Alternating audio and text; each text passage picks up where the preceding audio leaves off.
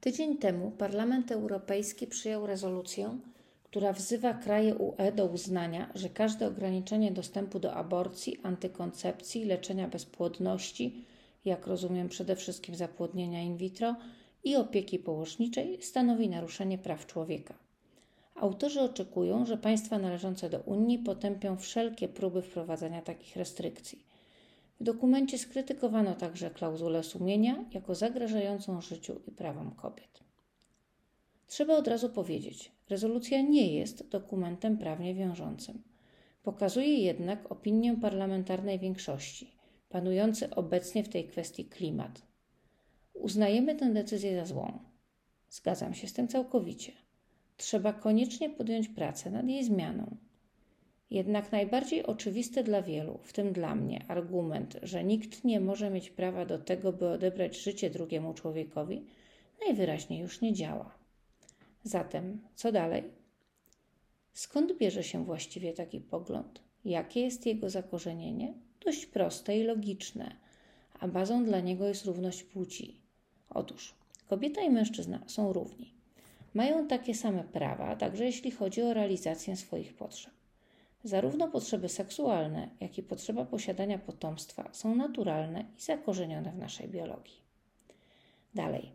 Tak samo kobieta, jak i mężczyzna mają niezaprzeczalne prawo do decydowania o kształcie własnego życia. Niestety, zauważają zwolennicy tego poglądu, wolność kobiety od wieków ogranicza fakt, że to ona przede wszystkim ponosi konsekwencje. Mężczyzna może ich uniknąć. W istocie wielu z tej możliwości korzystało i korzysta. Ona zostaje z książą czy dzieckiem na co najmniej 9 miesięcy, jeśli nie na całe lata. Jeśli oboje są równi, oboje powinni móc konsekwencji uniknąć, twierdzą autorzy koncepcji. Osiągnięcia nauki już na to pozwalają. Mamy antykoncepcję także awaryjną, mamy różne metody terminacji niechcianej ciąży. Problemem jest tylko to, że niektórzy arbitralnie ograniczają kobietom do nich dostęp, czyli dyskryminują. Czy to nie jest oczywiste?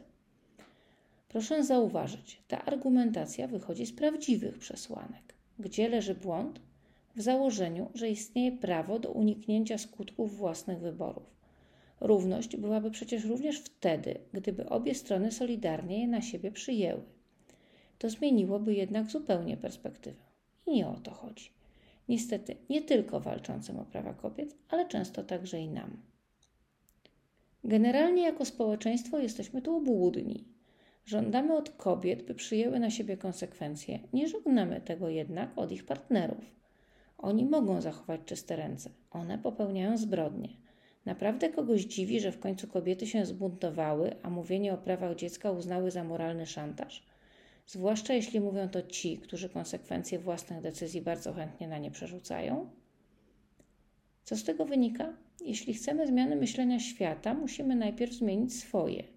I to nie tylko w słowach, ale i w czynach. Bez tego nie przekonamy już nikogo. Wbrew pozorom i sloganom o absolutnej wolności, życie, w którym dokonuje się wyboru, biorąc pod uwagę możliwe konsekwencje swoich decyzji, jest piękne, intensywne i szczęśliwe. Nawet jeśli oznacza czasem rezygnację z niektórych pragnień na rzecz tych dla mnie ważniejszych, lub konieczność poszukiwania innych dróg ich realizacji, jestem przekonana, że tylko tak warto jest żyć. Decyzja o ucieczce od konsekwencji też je posiada. Czasem tylko zaczynają być widoczne z opóźnieniem.